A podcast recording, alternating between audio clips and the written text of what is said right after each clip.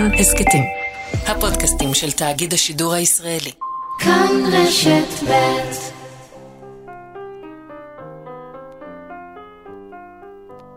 שחקי שחקי על החלומות, זו אני החולם שח. שחקי כי באדם אמין, כי עודני מאמין בך. שחקי כי באדם אמין, כי עודני מאמין בך.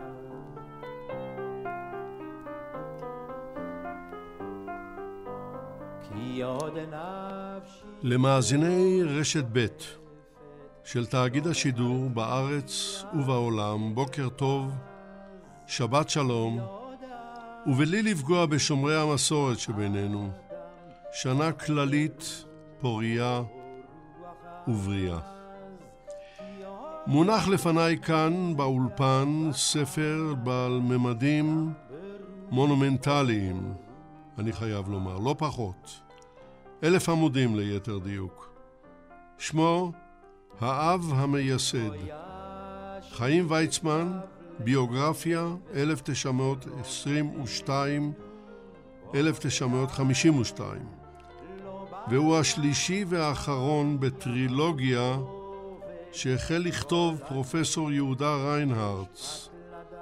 כרך א' שעוסק בשנים 1874 1914, לאמור, שנת הולדתו ושנת פרוץ מלחמת העולם הראשונה. כרך ב' 1914 עד 1922, לאמור ממלחמת העולם הראשונה ועד לאישור המנדט הבריטי בארץ ישראל על ידי חבר הלאומים, וכעת הכרך השלישי שלפנינו, שנכתב ביחד עם פרופסור מוטי גולני. הוא יצא לאור בימים אלה ממש. בהוצאת עם עובד. שני המלומדים, ריינהרץ וגולני, נמצאים ברגעים אלה על קווי הטלפון. האחד בבוסטון שבארצות הברית והשני בחיפה. הוספנו להם את פרופסור אמיר גולדשטיין, הממתין לשאלותינו בגליל העליון. הספר, אני מודה, היכה אותי בתדהמה, בשל עושרו האינפורמטיבי הגדול. ואני בספק אם נצליח לגרד אפילו את קצה הקרחון הענקי הזה בשעת שידור אחת. אבל ננסה, ננסה.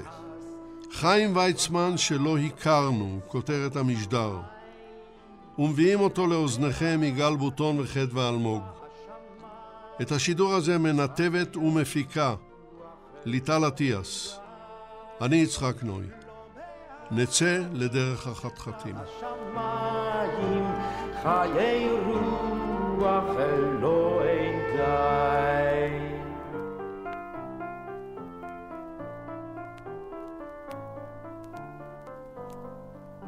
שחקי שחקי על החלומות, זו אני החולם שח. שחקי כי באדם אמין, כי עודני מאמין בך. שחקי כי באדם אמין, כי עודני מאמין בך. פרופסור יהודה ריינהרץ, בוקר טוב לך, שבת שלום. בוקר טוב. פרופסור ריינהרץ היה בשנים 1994-2010 נשיא אוניברסיטת ברנדייס. היום הוא משמש נשיא קרן ג'ק, ג'וזף ומורטון מנדל. מספריו, ואינני מדבר על הספר האב המייסד שהוא נשוא משדרנו הפעם. אני מדבר על חלק מהספרים האחרים, הציונות, יצירתה של חברה חדשה יצא לאור בעברית במרכז שזר ב-1998 ובאנגלית בהוצאת אוקספורד יוניברסיטי פרס נכתב עם פרופסור בן הלפרין, זיכרונו לברכה. והספר השני שנמנה כאן ראה אור באנגלית, גרמנית ועברית, כותרתו אל תוך המחשבה האנטישמית, האנטישמיות בעשור הראשון של המאה ה-21. והשאלה הראשונה אליך, פרופסור יהודה ריינרץ, מדוע קראתם לספר הזה האב המייסד? ובכן, הספר הזה, בוודאי כשראו אותו הקוראים בארץ חשבו, טוב, מה זאת אומרת האב המייסד? ויצמן האב המייסד? אה, זה לא השם הראשון שחשבו אה, על, אה, על ויצמן, אבל תארו לכם את, ה, את הדבר הבא. בא מהגר, הוא משוויצריה, לפני כן מ, כמובן מ, מרוסיה, והוא מרצה זוטר באוניברסיטת מנצ'סטר, לא בעל אמצעים רבים, והמרצה הזה אומר לעצמו, אם מישהו יוכל לממן לי את הנסיעות ללונדון, אה, הלוך וחזור, אז אני אוכל להשפיע על הממלכה הגדולה ביותר ששלטה ברבע מכל העולם, אני אוכל להשפיע עליהם שייתנו לנו את הצ'רטר שבשעתו רצה הרצל. הוא מרצה לכימיה. פנטסטי. הוא מרצה לכימיה, כימיה שימושית. שגם לא נחשבה לכימיה החשובה ביותר אה, בזמנו. אה, והוא, אה, והוא, ותחשבו לרגע אחד, שתוך שמונה שנים, תוך שמונה שנים, ב-1922, הוא כבר נקרא באנגליה ויצמן הגדול, חיים הגדול, לא ויצמן הגדול, חיים הגדול.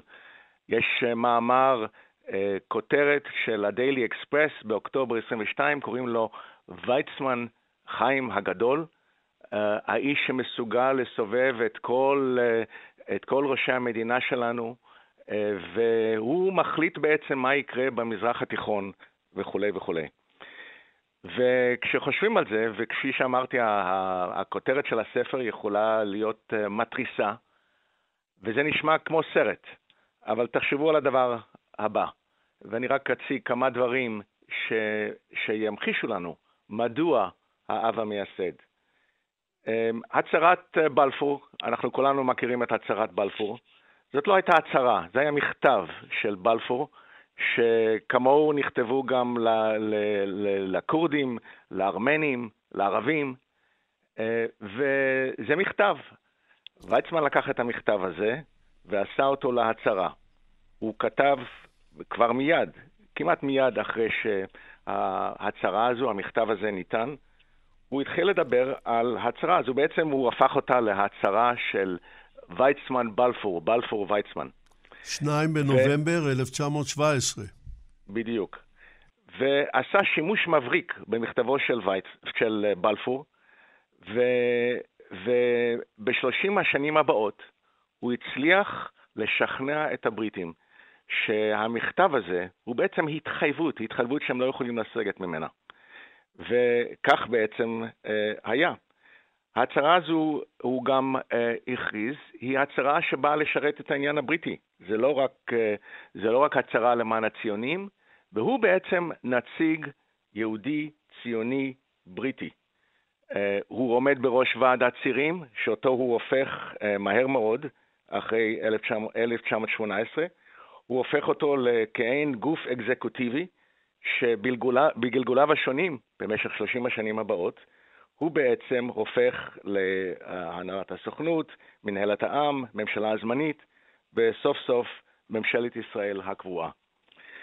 ואחר כך הוא לוקח את ההצהרה הזו, בעצם אנחנו מדברים על איש אחד, והוא, אמ, והוא אמ, מצליח אה, מצליח שהמדיניות הבריטית בשטח שהוגדר ב-1922 כארץ ישראל המערבית, להבדיל מטרנסג'ורדן, והוא מסכים, אה, והוא אומר שהוא מסכים אפילו ב- ל- ל- שהערב, שלעניין הערבי-פלסטיני הלאומי אה, יהיה גם מקום פה, והוא מכניס את הצהרת בלפור ככתבה וכלשונה לכתב המנדט שאושרר ביולי 1900. 22. וחיים הגדול הזה אה, הוא ממשיך ועושה בשנים הבאות, 1922, 1929, הוא בעצם מוציא מים מן הסלע. הוא מפסיק לדבר כבר על הצהרת בלפור, והוא מדבר בעיקר על המנדט, על ייפוי הכוח שקיבלה בריטניה מחבר הלאומים. והוא נהפך בן בית בחבר הלאומים. הוא, הוא כבר חבר של ראשי החבר הלאומים, הוא בן בית שם, כפי שאמרתי, וכמובן השקט היחסי בארץ בשנים האלה נותן לו את האפשרות להמשיך ולפתח את היחסים עם, עם, ה, עם הבריטים. וההצהרה הזאת, ההצהרה סייעה ליישוב היהודי, שאף על פי שלא חדלו להתלונן על הפטרון הבריטי ונציגו חיים ויצמן, הוא מביא את היישוב, הוא עוזר ליישוב להגיע ליציבות כלכלית ופוליטית. ושוב, הוא באוקטובר 1930, קווי המדיניות הבריטית החדשה בפלסטינה אה, משתנים, אה, מחליטים, הבריטים מחליטים לסגת מרוח הצהרת בלפור לטובת מדיניות מאוזנת יותר, שתסיר את איום הבית הלאומי היהודי מעל ראשי הפלסטינים. וויצמן ראה ברצון לפייס את הערבים על חשבון היישוב היהודי כמדיניות הרת אסון. והוא אומר לראש הממשלה, רמזי מקדונלד, כי הם, הם רצו להעביר את הספר, את ה, את הספר הלבן של פספילד, והוא בעצם אומר לרמזי מקדונלד, תשמע, אני הולך להתפטר. למי אכפת שהוא מתפטר באימפריה הבריטית? אבל הוא אומר עוד דבר, אה, תדעו לכם, אני נוסע לארצות הברית, ואם אה, המצב פה לא ישתנה ואתם לא תשנו את, ה, את ההצהרה שאתם אומרים אה, להפיץ פה, אז תהיה לזה השלכה בארצות הברית ובין הציונים בארצות הברית. ורמזי... אז בוא, אני, אני מציע, פרופסור ריינהרץ, בוא נסתפק בדברים האלה לפי שעה. יישאר איתנו על קו הטלפון, אל תרד. אני רוצה לעבור למומחה הבא, והוא פרופסור מוטי גולני. בוקר טוב לך, שבת שלום. טוב, אה, יצחק, בוקר טוב, אה, יהודה. האם אני מדבר עם מוטי גולני? כן, כן, אני איתכם. אה, אז אה, אמרתי לך בוקר טוב וגם כן, שבת שלום, כן. ועכשיו אני אציין ש... בוקר טוב. פרופסור גולני הוא ראש המכון לחקר הציונות וישראל על שם ויצמן באוניברסיטת תל אביב וראש פורום חוקרי המנדט בישראל. מספריו, למעט כמובן ספרו האחרון שמונח לפנינו, לפניי.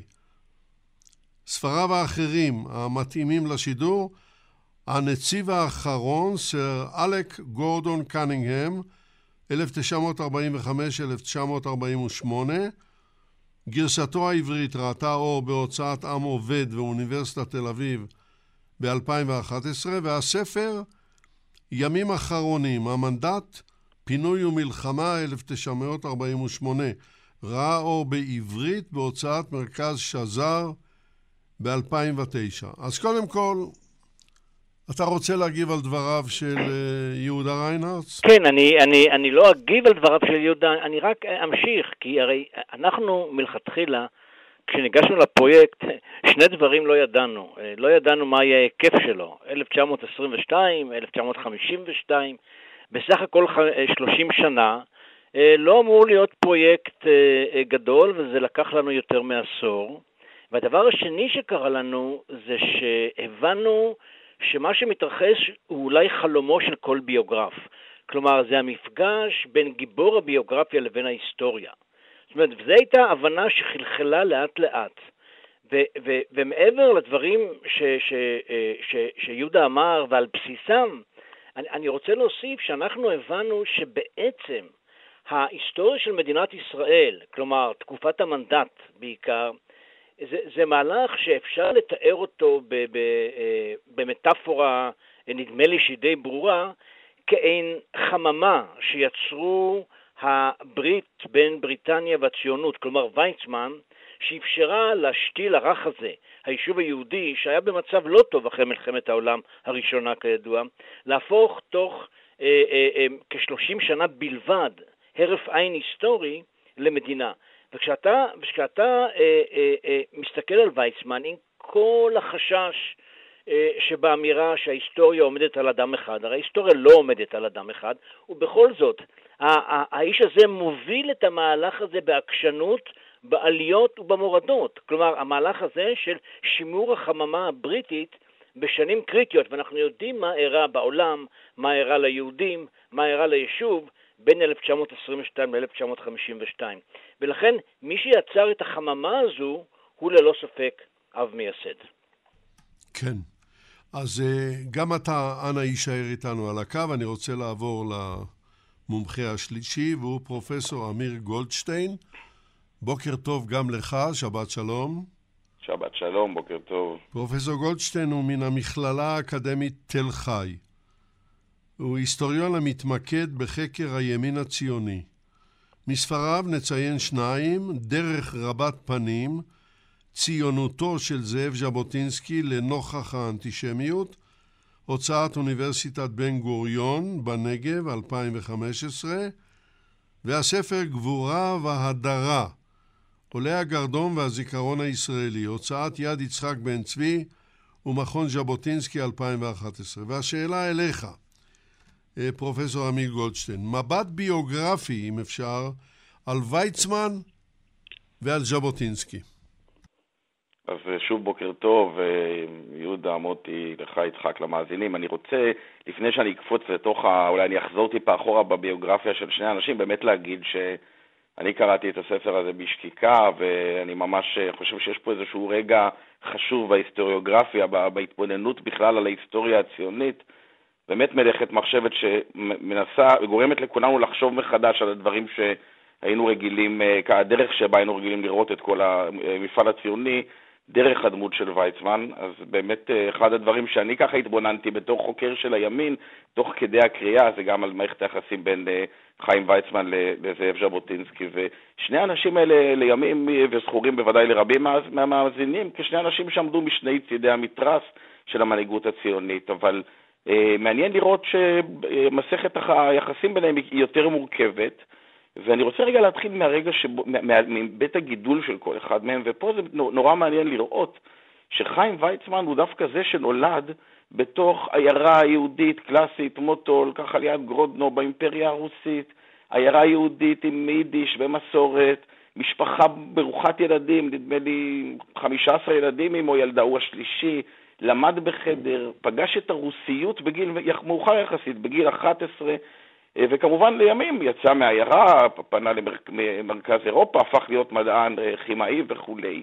ודווקא זאב ז'בוטינסקי, שנולד אה, שש שנים אחריו, 1880, הוא זה שצומח בתוך, בעיר, בעיר גדולה, באודסה, לא בתוך סביבה יהודית כל כך טבעית כמו זו של ויצמן, צומח במשפחה שאנחנו מכנים את זה, כבר עברה את הדור השני של הרוסיפיקציה, כלומר, גם ההורים של זאב ז'בוטינסקי הם כבר דוברי רוסית, הוא צומח מתוך התרבות הרוסית, בהרבה מובנים הוא, מת, הוא מגיע לציונות, אם ויצמן צומח על הציונות מתוך היהדות המסורת, של העיירה, של תחום המושב, ז'בוטינסקי מגיע אל הציונות מבחוץ, מאירופאיות, מרוסיות, ואם, גם פה מעניין לראות שלכל אחד מהם יש את ה... את ה את פרויקט חייו הלא ציוני, הלא פוליטי, החשוב. ויצמן, כמו שבוודאי כולם יודעים, ונכתב לא מעט גם בביוגרפיה הזו, החשובה הוא מדען, הוא כימאי. ז'בוטינסקי חולם להיות סופר, חולם להיות סופר, אולי סופר רוסי, מנסה להגשים את, ה, את החלום הזה. ושתי הדמויות האלה, המאוד מאוד אה, שונות באופן שבו הם צמחו, אה, והדרכים השונות שלהם, ואנחנו נעסוק אולי בהמשך במזג השונה שלהם, שניהם נפגשים בסופו של דבר בלונדון, ושניהם נפגשים באותו רגע במלחמת העולם, שבו יש להם השקפה משותפת, אבל חריגה מאוד בנוף הציוני. וההשקפה הזו בעצם מזהה את המלחמה הזאת, מלחמת העולם הראשונה, קוראים לה הראשונה כהזדמנות ציונית, ומסרבת לקבל את, את הקו הניטרלי של הזהירות הרבה של המנהיגות הציונית. באיזשהו רגע שבו המנהיגות הציונית, אנחנו עשר שנים אחרי מותו של הרצל, אנחנו באיזה שהם ימי קטנות במנהיגות הציונית, שתי הדמויות האלה עולות. ויצמן מבוגר יותר, בכיר יותר, מדען שהגשים את עצמו כבר בבריטניה, ז'בוטינסקי מגיע לשם כעיתונאי, כמי שמתחיל לבנות את עצמו, לכל אחד מהם יש איזשהו חזון, איך במהלך המלחמה הציונות צריכה לעשות את קפיצת הדרך שלה, ושם הדרכים שלהם מצטלבות, שם מתחיל שיתוף הפעולה או הפעולה המקבילה, שאולי נעסוק בה בהמשך. כן, אבל יש כאן דבר תמוה לי... אחד, אם תרשה לי, אה, פרופסור גולדשטיין, מיד אתן לכם לדבר, אה, מוטי ויהודה. יש כאן דבר אחד תמוה.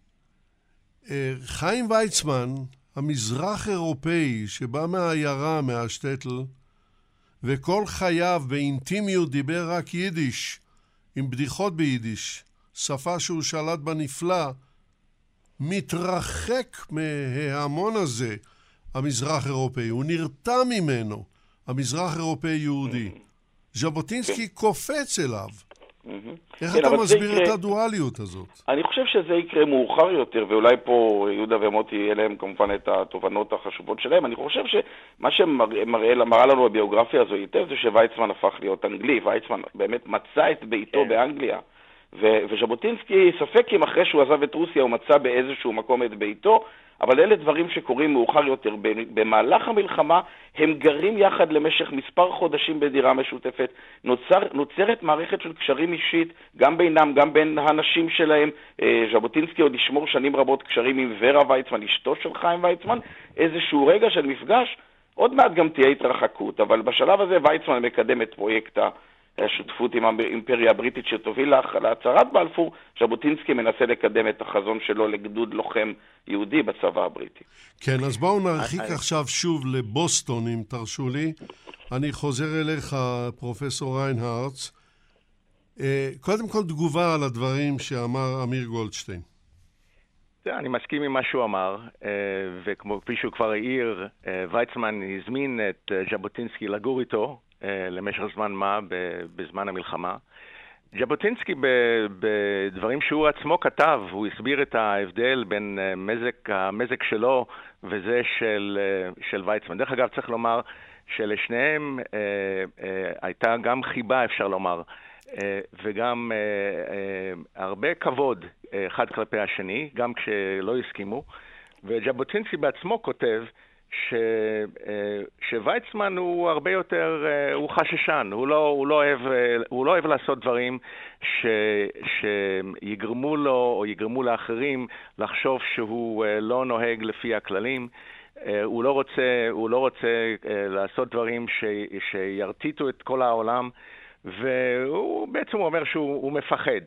והוא, ז'בוטקינסי, הוא מוכן ללכת על כל הקופה. אה, ואני חושב שזה נכון, במיוחד במלחמת העולם הראשונה, אה, כשההנהגה הציונית, אה, שלא רצתה את הגדודים העבריים, החליטה שכך, וויצמן נהג לפי הכללים, הוא עוד לא, הוא עוד לא, הוא עוד לא נהג לפי איך שהוא רוצה, כפי שקורה לאחר מכן.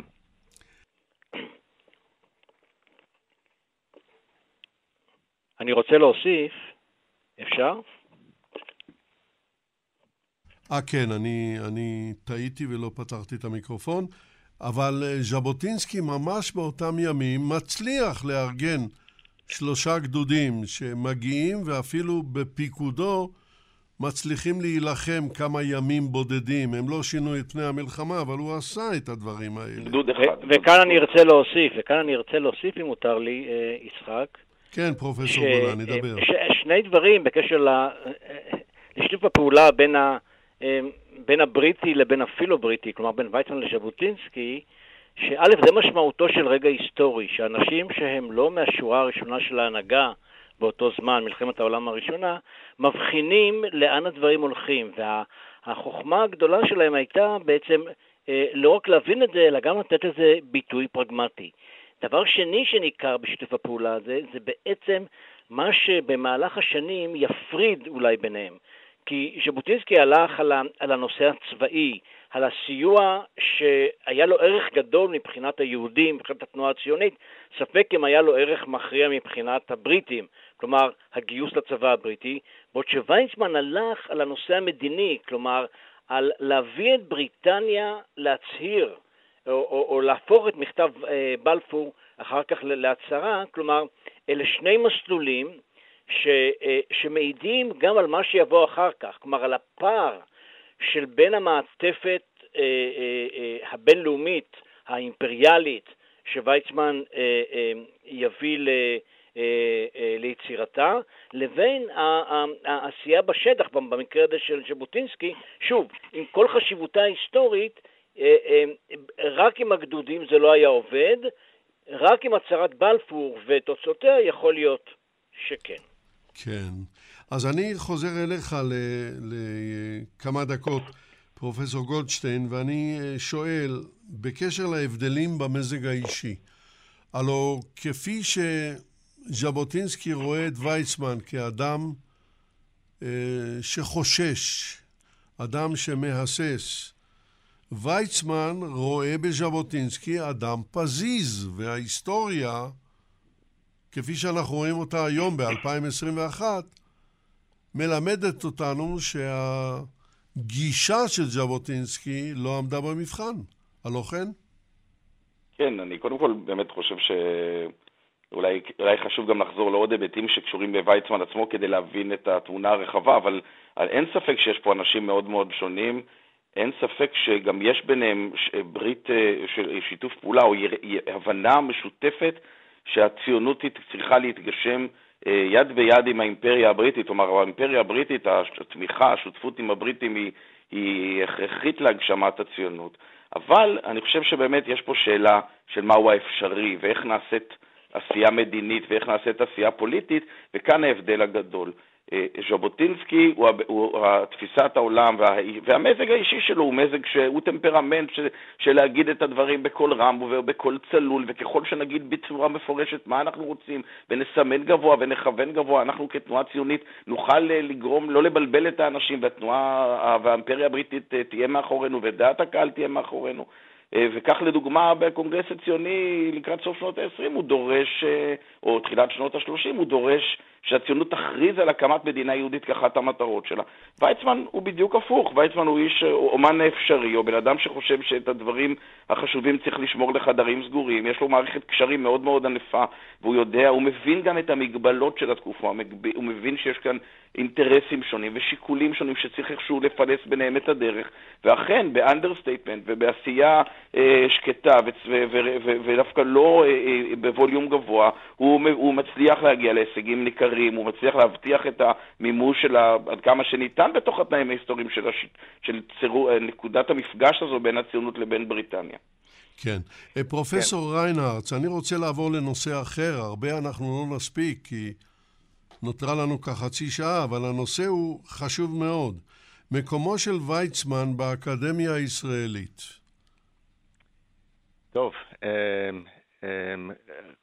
אני חושב שדי ידוע שויצמן כבר בתחילת המאה שעברה כבר חשב על, על אוניברסיטה, הוא לא קרא לזה אוניברסיטה, אבל הוא ובובר ופייבל הם כבר כתבו ב-1902, כתבו איזה חוברת בגרמנית שנקראת אני יודישה הוכשולה, בית ספר יהודי גבוה, בעצם חשבו על האוניברסיטה, ו... והמשיכו לגלגל את העניין בקונגרסים הציוניים עד שכבר ב-1914 כבר היה ברור שהכוונה היא לאוניברסיטה עברית בירושלים. לוויצמן, דרך אגב, גם, הייתה גם יד ב, ב, ב, בטכניון עצמו. ו, וכמובן, זה מביא אותנו כמובן למכון ויצמן, שהתחיל בעצם כמכון זיו באפריל 1934. אה, אתה יודע, הכל, הכל קשור בהכל, והאמת היא שאחרי שהונחה אבן הפינה לאוניברסיטה העברית, אה, ומגנס אה, נעשה לנשיא, ויצמן בעצם היה הנשיא, על כל פנים של הבורד, ואיינשטיין כמובן גם, גם היה בבורד. שניהם ראו בעין לא טובה מה שמגנס עושה. הם, מגנס כמובן הלך על לימודים, לימודי יהדות, על, על דברים שלא נראו להם. הם רצו את, את המדעים המדויקים. ו, וכמובן איינשטיין, שלא הייתה לו הרבה סבלנות, כל הזמן הצהיר על זה שהוא הולך להתפטר וכולי וכולי. וכך הוא עשה. בסוף הוא כן התפטר. הוא בסוף התפטר ב-1928. ויצמן, וזה דבר ש, שחוזר בביוגרפיה שלו, יש לו כמיהה מסוימת להיות בארץ, ללמד בארץ, לעבוד באיזה, באיזשהו, באיזושהי מסגרת, ואפילו כבר לפני מלחמת העולם הראשונה, ורה לא נותנת לו.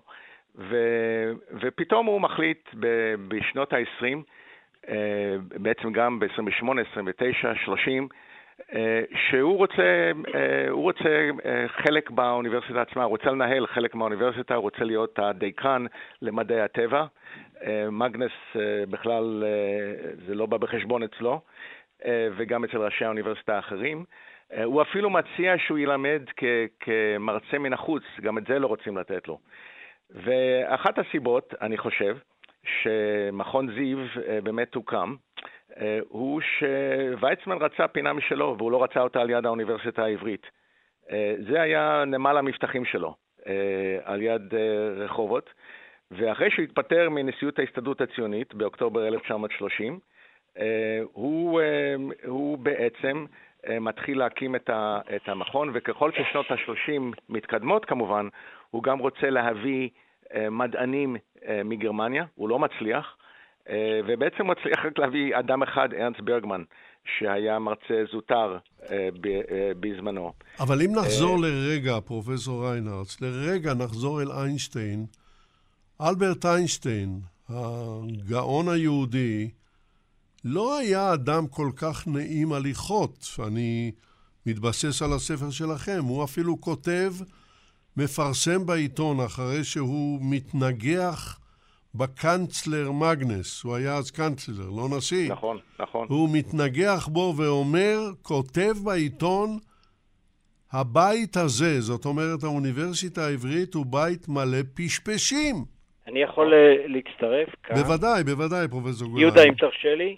אז כן, כן. אני, אני, אני רוצה, יש כאן, יש כאן אה, בהמשך לדברים שיהודה אמר, אה, באמת היחסים בין השניים אה, על רקע אה, העשייה באוניברסיטה העברית בעצם מספרים לנו על אחד הכישלונות האישיים הקשים של ויצמן בחייו, איש הרשת החברתית, אם נצליח להגיע לזה, כלומר, אחד האנשים המעטים שוויצמן רצה להיות בחוגם ולא הם בחוגו. והעסק הזה נשבר באמת, כמו שרמזת בציטוט, יצחק, ב-1933-34, על רקע גירוש המדענים היהודים מגרמניה, ויצמן לא הצליח להבין את ההתנהגות של איינשטיין, זה כבר אחרי כל הסאגה מול, מול מאגנס, למה הוא לא מאציל מההילה הבינלאומית האדירה שלו כדי לעזור לאותם מדענים, ולוקח את עצמו... מול אה, סירובו של מגנס. אה, כן, לא רק מגנס, זה, זה גם מדענים, עכשיו זה כבר טרגדיה הרבה יותר גדולה, זה, זה מדענים שבעצם היו אה, בפסגת העשייה המדעית אה, עד אותו רגע, ולפתע הם, אה, הם, הם, חסרי, הם חסרי קול. וכאן בעצם בא לידי ביטוי ה... לא רק הכעס על איינשטיין, אלא גם האכזבה הגדולה על זה שהוא לא מכיר בו בוויצמן, לא כמדען ולא כמנהיג אקדמי אה, אה, ראוי. מפני שאיינשטיין כן. הרי לא החזיק מוויצמן כאיש מדע דגון. לגמרי לא. נכון, לגמרי. נכון, וגם, ותראה, ואיינשטיין היה אולי האיש היחידי שממנו ירא אה, ויצמן. אה, הוא תמיד אה, פנה אליו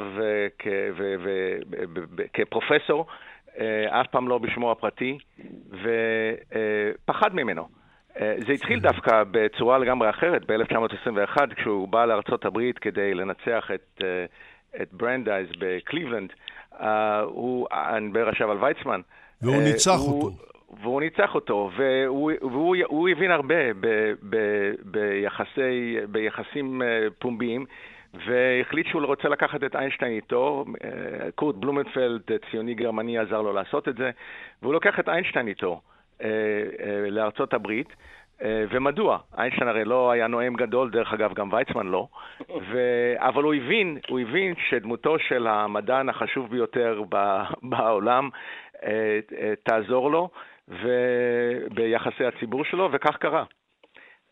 אבל מאז הידרדרו הדברים, וכפי שכבר אמרנו, איינשטיין באמת לא, לא, לא חשב על ויצמן כמדען חשוב, ואפילו כשהוא, כשהוא בסוף, כשוויצמן כבר נבחר לנשיא, הוא, הוא כותב לו איגרת כמעט בחצי לעג.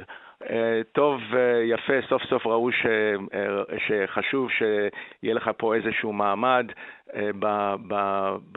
בעם, בעם היהודי, אבל הוא אומר את זה בצורה מאוד לא... והוא באמת, הוא לא מתנהג, הוא לא מתנהג, איך אומרים, הוא לא מתנהג בצורה נאותה.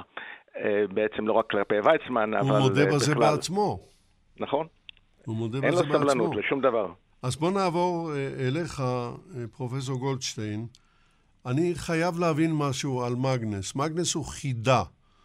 הלו ויצמן ידע יפה מאוד שמגנס מתנגד להקמת מדינה יהודית. הוא חושב שזה יהיה אסון, ועדיף ליהודים לחיות כמיעוט מקובל במרחב של ארץ ישראל. האם לא כך הדבר? כן, אני לא מומחה למאגנס, אולי מוטי גם ירצה לתת את הזווית שלו לעניין הזה. אני רוצה, אני חושב שה, שצריך, אני כן רוצה להתבונן על מה שאתה שואל בצורה יותר רחבה, ולהגיד שיש פה שאלה גדולה, אנחנו חוזרים לשנות ה-20 של המאה ה-20, ואנחנו בעצם, אף אחד לא יודע לאן הדבר הזה מתפתח, ויש הרבה שאלות, איך אפשר להגשים את הציונות כשיש כל כך מעט יהודים בארץ, בתוך התנאים הגדול, קיימים בעולם עם כל המגבלות, ו- ואני חושב שבמובן הזה, שוב, אפשר להדגיש דווקא את הקרבה המסוימת בתפיסות הכלליות בין ויצמן לז'בוטינסקי, ואתה צודק, את המרחק, אולי הברור מאליו של ז'בוטינסקי ממגנס, אבל גם ויצמן רחוק מווגנס, ו- ואני חושב שיוצא נגדו באופן מאוד מאוד ברור ונגד התפיסות שלו. אני חושב שהנקודה שה- המשותפת היא ההבנה ש, ששני אנשים אלה, גם ויצמן וגם ז'בוטינסקי, כל אחד בדרכו רואים את הגשמת הציונות יחד עם האימפריה הבריטית, חותרים בסופו של דבר למדינה, אבל כל אחד מהם עושה את זה בדרך השונה. כל אחד מהם מנסה להגיע לאותו יעד בצורה אחרת. דרך אגב, יש ביניהם עוד מכנים משותפים, שניהם ציונים כלליים, שניהם בורגנים, שניהם באים, גם בתפיסות הרחבות שלהם אפשר למצוא מכנה משותף. אבל מה שקורה אחרי אותן שנים של ידידות שתיארתי קודם, אותן שנות מלחמת העולם, אותן שנים שהם פועלים במקביל, אחד לקדם את הכרזת בלפור והשני את רעיון הגדודים העבריים, כאשר המלחמה מסתיימת, בתחילת שנות ה-20, כשמתחילים להתבונן על סדר, על הסדר העולמי החדש, ז'בוטינסקי הופך להיות קצר רוח. מידת ההגשמה הציונית. כן. האופן רק... שבו הציונות מוגשמת, רק שנייה, עוד שנייה, אני חושב שגורם לז'בוטינסקי לנסות לייצר לחץ מאוד מאוד, לחץ גדול שוויצמן מסרב לו, ויצמן מחפש דרך הרבה יותר מתונה לקדם את הדברים ואפקטיבית. כן. ועוד משפט, סליחה מוטי, זה הנושא של, אני חושב שפה נכנס גם הסיפור של תנועת העבודה. כי צריך להגיד, לוויצמן לא הייתה מפלגה. ויצמן פעל ללא מחנה פוליטי שהוא, שהוא, שהוא מוביל אותו. והברית ההיסטורית שלו הייתה עם, עם, עם, עם תנועת העבודה, עם מפלגות הפועלים, שנתנו לו את התמיכה לכל אורך הדרך.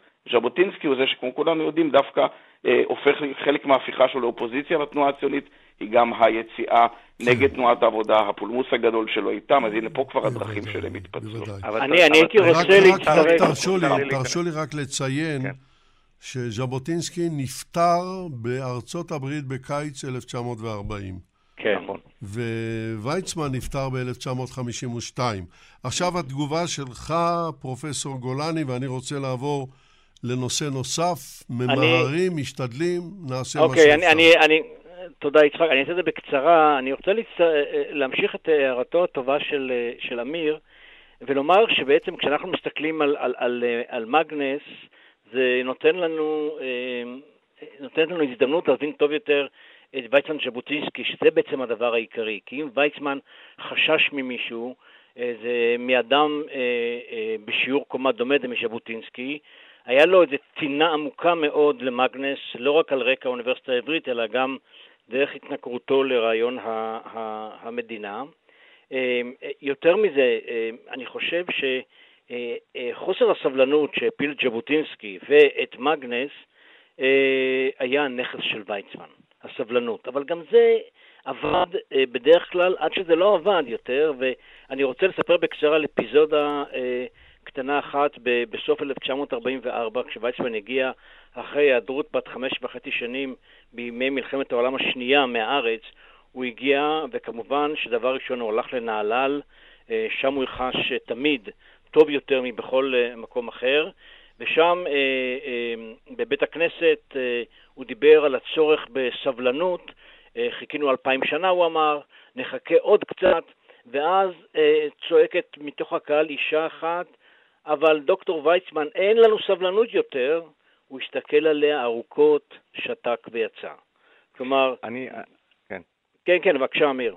עכשיו, לא, לא, לא, הייתי רוצה, ברשותכם, הייתי רוצה, הרי כל נקודה ונקודה יכולה להעסיק אותנו שעות, ואני הייתי מבקש לעבור לנושא אחר, לדעתי חשוב, כי אנחנו מדלגים על הרבה נושאים.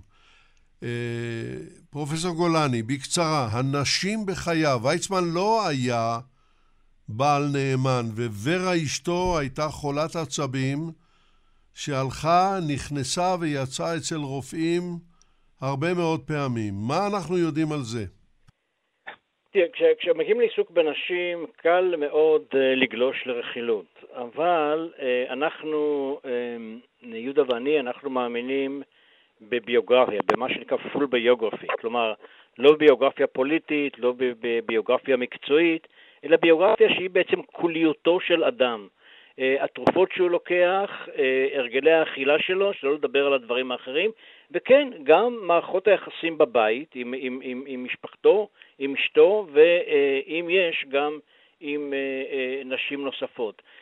לכן בעצם, במקרה, סיפורי נשים, כשהם נאמרים בהקשר, בקונטקסט, זה מפסיק להיות רכילות, זה חלק מהסיפור. במקרה של ויצמן, אני יכול לומר דבר אחד, מחד גיסא, אה, חיי הנישואים של הזוג ויצמן לא, לא צלחו, לא צלחו בגלל האופי השונה, בגלל הציפיות השונות אה, של השניים, ולמעשה יותר מאשר סיפור אהבה, היו שם בסופו של דבר יחסים של תלות כלכלית, תלות פוליטית, היא הייתה זקוקה לו, הוא היה זקוק, זקוק לה.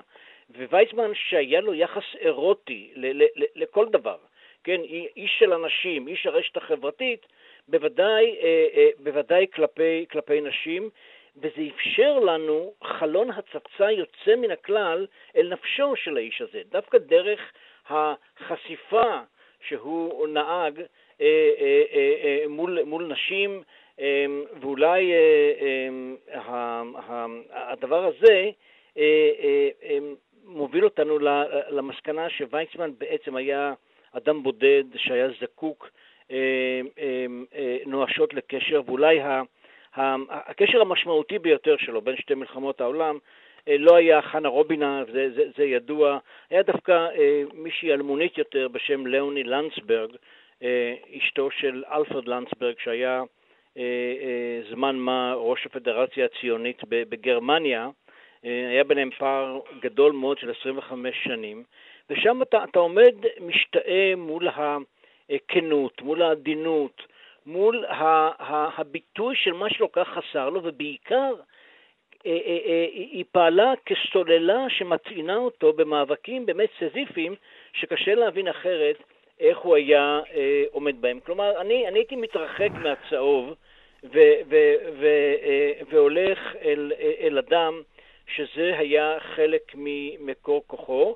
נכון, לצד הכבוד שהוא, אה, אה, אה, שהיה לו לנשים, הוא לעיתים גם, אה, אה, אה גם אה, אה, חדל להתייחס אליהם כאשר העסק אה, אה נגמר. להם עורף. וזה לא אומר אה, אה, שום דבר כמובן. הוא עשה את זה גם לגברים, לא רק לנשים. לא, זה נכון, הוא, אם, אם מותר לי פה להוסיף... כן, אז אני בדיוק כי... פונה אליך, פרופסור ריינהרץ. כן, כי uh, לוויצמן uh, היה יחס, uh, כמו שמוטי אומר, יחס אירוטי לנשים, אבל uh, הוא, הוא פשוט אהב את, uh, uh, להיות בחברת אנשים, גברים ונשים. Uh, ונשים, uh, אתה יודע, היה לו פטנט, הוא דיבר איתם על, על כל חוליה, והוא היה היפוכונדריה, היפוכונדריה ונשים הקשיבו לו ו, ועזרו לו, והיחסים שלו עם, עם, עם ורה גם, אה, זה, זה ממש מופלא, אפשר, אפשר כאילו אה, אה, לעשות פה איזושהי טבלה שמראה שכשוויצמן הצליח בדרכו הציונית, ורה חלתה. כשהוא היה חולה, היא פשוט הבריאה.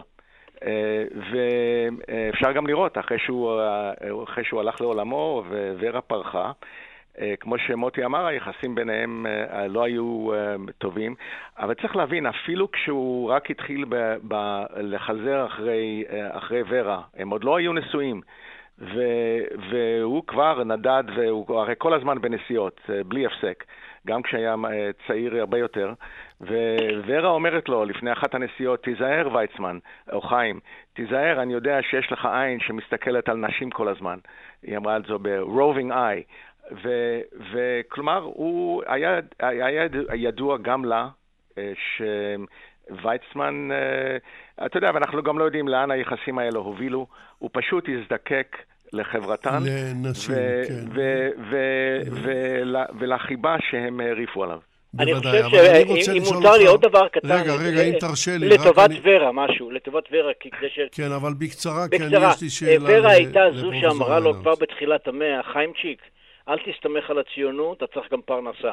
זאת אומרת, והוא עשה את זה והלך לתחום הפטנטים בכימיה, ואנחנו יודעים כולנו שהוא היה אדם עמיד, וזה לא מעט בזכות אה, העובדה שהיא שמרה עליו בעניין הזה. ופיתוח האצטון מתירס, אנחנו, זה סיפור עצום שיכול להחזיק תוכנית שלמה ולא נוכל להגיע אליה, אבל פרופסור ריינהרץ, אני לא רוצה לעשות לך את החיים קלים מדי. ישנו ספר נפלא שאתה מכיר אותו, של uh, פרופסור בנימין הלפרין, בן הלפרין, זיכרונו לברכה. הוא לא כן. תורגם לעברית למיטב ידיעתי, The Idea נכון. of the Jewish State.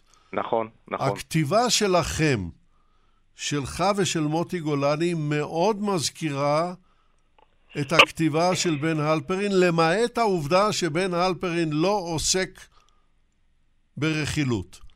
האם אתה לא, לא חושב, או אם אתם לא רוצים להגיב... אני יודע, זה לא מצחיק, זה, זה, זה, זה מרתק מה שאתם כתבתם. אבל האם אתה לא חושב שאפשר היה לצמצם את הספר אם הייתם נמנעים מהדברים האלה? וכאן בואו גם נזכיר שוורה ויצמן, בשכל רב לדעתי, לקחה את כל המכתבים שלה והשמידה אותם לפני מותה. מה כן, דעתך? פה אני, לא, פה אני לא מסכים איתך, מכיוון שהעובדה שהיא השמידה את מכתביה, חוץ מכמה, אה, מנעה באמת מחוקרים, מאנשים כמונו, באמת לתת לה את מקומה הראוי. וזו עשתה בידיה שלה, אה, וחבל, כי צריך לקחת הכל בקונטקסט. אה, אני, אני, אני חושב ש, שחשוב לומר שהיום, אתה יודע, היום האנשים מדברים על זה שהם כותבים אה, ביוגרפיה פוליטית, ביוגרפיה מדינית, ביוגרפיה, כל ביוגרפיות אה, שונות. אה, אנחנו לא מאמינים שיש ביוגרפיות מסוג זה. אנחנו חושבים שכשאתה כותב על ביוגרפיה, אתה צריך להביא את האדם כולו בכל, ה, בכל ה, הדברים ש, שנראים או לא נראים לעין. הם מייפים אותו או לא מייפים אותו, אבל לא מוריד, לא, זה לא מוריד מכבודו של ויצמן. כלומר, העובדה שהייתה לו נטייה אה, לנשים וגם לגברים, אני חוזר, אה, לא, לא מורידה כהוא זה ממעשיו העצומים שבלעדיהם, אנחנו מאמינים, לא הייתה היום מדינת ישראל. ללא ספק. כן, ללא יותר ספק, מזה, כן. יש, יש, אם מותר לי, יש, יש עוד היבט. אני חושב שאם היינו מורידים את המחלות שלו, את, את אה, פרשות פרשת יחסיו עם ורה ועם נשים בכלל, זה היה במידה מסוימת הורג את הביוגרפיה. יש, יש גם היבט, במיוחד בסיפור חיים, היבט ספרותי, וזה לא רק עניין אסתטי, זה עניין של הסיפור במלואו, איך אתה, הרי השאלה בביוגרפיה היא יותר ממה היה, זה מי היה, מי היה האיש, וכדי לפענח את הדמות, אתה צריך ללכת גם אל מקומות שהם לא פוליטיים בלבד, לא רעיונים בלבד וכיוצא באלה, ואני חושב שזה מוסיף לביוגרפיה ולא גורע ממנה. כן, כן. ללא, ללא ספק, יש משהו בדבריכם. אה, הייתי רוצה את תגובתך, פרופסור גולדשטיין, לדברים האלה. אנחנו, לצערי הגדול, קרבים לסיום, נותרו לנו עוד 6-7 אה, דקות. כן, אני, אני, אני מסכים עם יהודה ועם מוטי. אני חושב שביוגרפיה הערך שלה, המשמעות שלה היא דווקא דרך הצגה של סיפור חיים, הניסיון אה, לזהות את הצופן הזה שנמצא מאחורי הבן אדם, שהוא תמיד גדול יותר ורחב יותר ורב-מימדים יותר מאשר העשייה הפוליטית שלו, ואני גם חושב שהביוגרפיה הזאת, אה, אני, אני חושב שהיא מרתקת, אני חושב שהיא צובעת את כל, הרב, את כל הרבדים האנושיים, המנהיג הוא בן אדם. ואני חושב שהדבר, לכן גם הדבר, אני חושב שהגיע הזמן לחזור אל ויצמן, וזה מה שהספר הזה עושה, הוא מחזיר את ויצמן לתוך הדיון. והקושי, ש... והסיבה שצריך להחזיר את ויצמן לתוך הדיון, היא הדרך ש... שבה התפתח הזיכרון הקולקטיבי בישראל. צריך להגיד שוויצמן נדחק לאורך שנים ארוכות לשולי הזיכרון הקולקטיבי הזה בישראל. דוד בן גוריון התמקם במרכזו, ויש סיבות טובות למה עסקו כמובן לא מעט בדוד בן גוריון, אבל ה... הישראליות שלנו, בדיקת הדברים מתוך מה שמתרחש בארץ, דחקה את האיש הזה שפעל מלונדון והשפיע מלמעלה ומבחוץ פנימה על התהליכים אה, אל שולי הזיכרון, והספר הזה צריך להחזיר אותו גם כבן אדם וגם כמנהיג. דרך אגב, בהקשר, אם נחזור שנייה רק לז'בוטינסקי בהקשר של זיכרון קולקטיבי, לז'בוטינסקי קרה דבר הפוך. ז'בוטינסקי שבחייו היה כישלון פוליטי. לא השיג את, את מה שהוא דיבר, אמר דברים רבי, רבים ונחרצים, אבל ההישגים שלו היו אה, מעטים והוא נדחק לשולי הפוליטיקה הציונית. בסופו של דבר, בזיכרון הקולקטיבי הוא זכה למקום הרבה יותר מרכזי, והסיבה היא אותה דבר שאמרתי קודם, לוויצמן לא היה מחנה, אה, לז'בוטינסקי היה מחנה שבסופו של דבר הפך להיות דומיננטי, אני חושב שהספר הזה הוא גם חשוב, גם מרתק וגם תיקון אה, לכל, אני מקווה שהוא ינכיח מחדש את ויצמן גם בתוך השיח בישראל. כך גם אני מקווה, אני חוזר אליך, פרופסור יהודה ריינהרץ, גם אני קראתי את הספר, גם אני uh, הייתי פשוט מוכה, מוכה הלם למראה השפעה הזאת, הוא מהמם, אין בו אפילו דף אחד משעמם, אני ממליץ עליו בכל פה. אבל, אם אני מסתכל על הסיכום, אני יכול לשאול את, ה, את הכותרת שכתב אותה לפני שנות דור, משה שמיר, מלך בשר ודם. חיים ויצמן לא נאמן לאשתו, חיים ויצמן לא דמוקרט, חיים ויצמן אדם מאוד גאה, עד כדי, עד כדי עשיית שטויות. היה לנו כאן מקום למחיר היוהרה, פרק 17, בספר שלכם שלא נספיק לדבר עליו. אבל הוא נתן את כל חייו, אבל את כל חייו לרעיון הציוני. הלא כן, פרופסור ריינרץ? בהחלט. Uh, תראה, uh, העובדה שהוא גם היה אדם עמיד, נתנה לו את האפשרות uh, לא להיות תלוי בשום דבר, בשום איש, uh, והקבוצה הקטנה בדרך כלל שהייתה מסביבו, אנשים ש... שאמרו אמן לכל מה שהוא, לכל מה שהוא אמר או חשב, וברגע שלא עשו זאת, הוא פשוט זרק אותם מהמעגל הפנימי שלו. כן. זה היה כוחו, וזה גם היה מה שהיה באוכלו. חולשתו. כן, עכשיו אנחנו כבר לקראת סיום, ואני הגעתי לשלב השאלה הזהה. פרופסור יהודה ריינארץ, מה היית מבקש שהמאזינים ילמדו מן השידור הזה?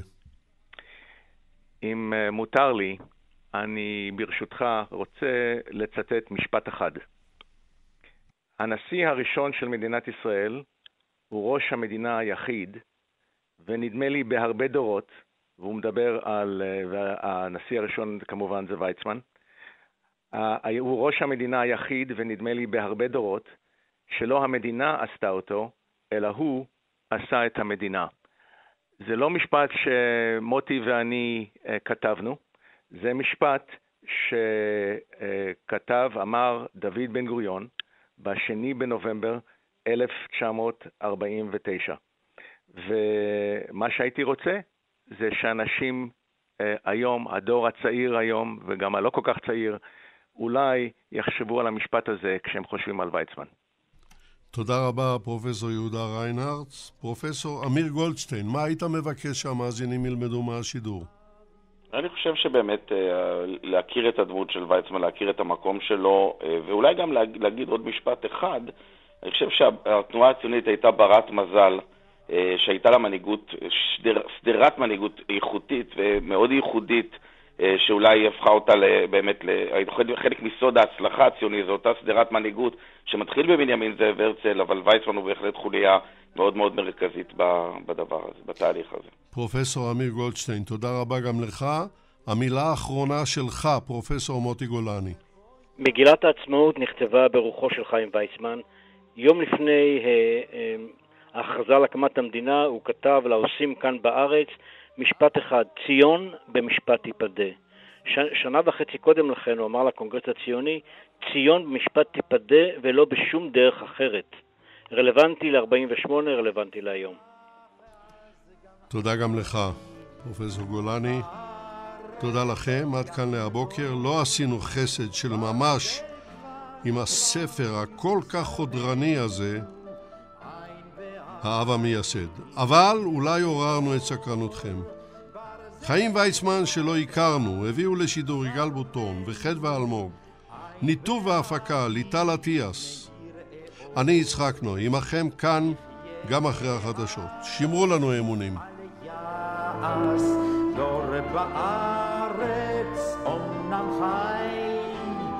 לא בעתיד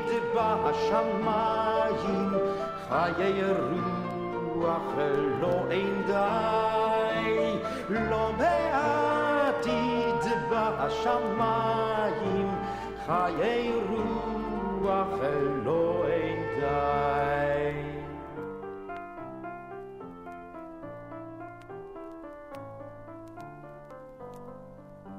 שחקי שחקי על החלומות, זו אני החולם שח. שחקי כי באדם אמין, כי עודני מאמין בך. שחקי כי באדם אמין, כי עודני מאמין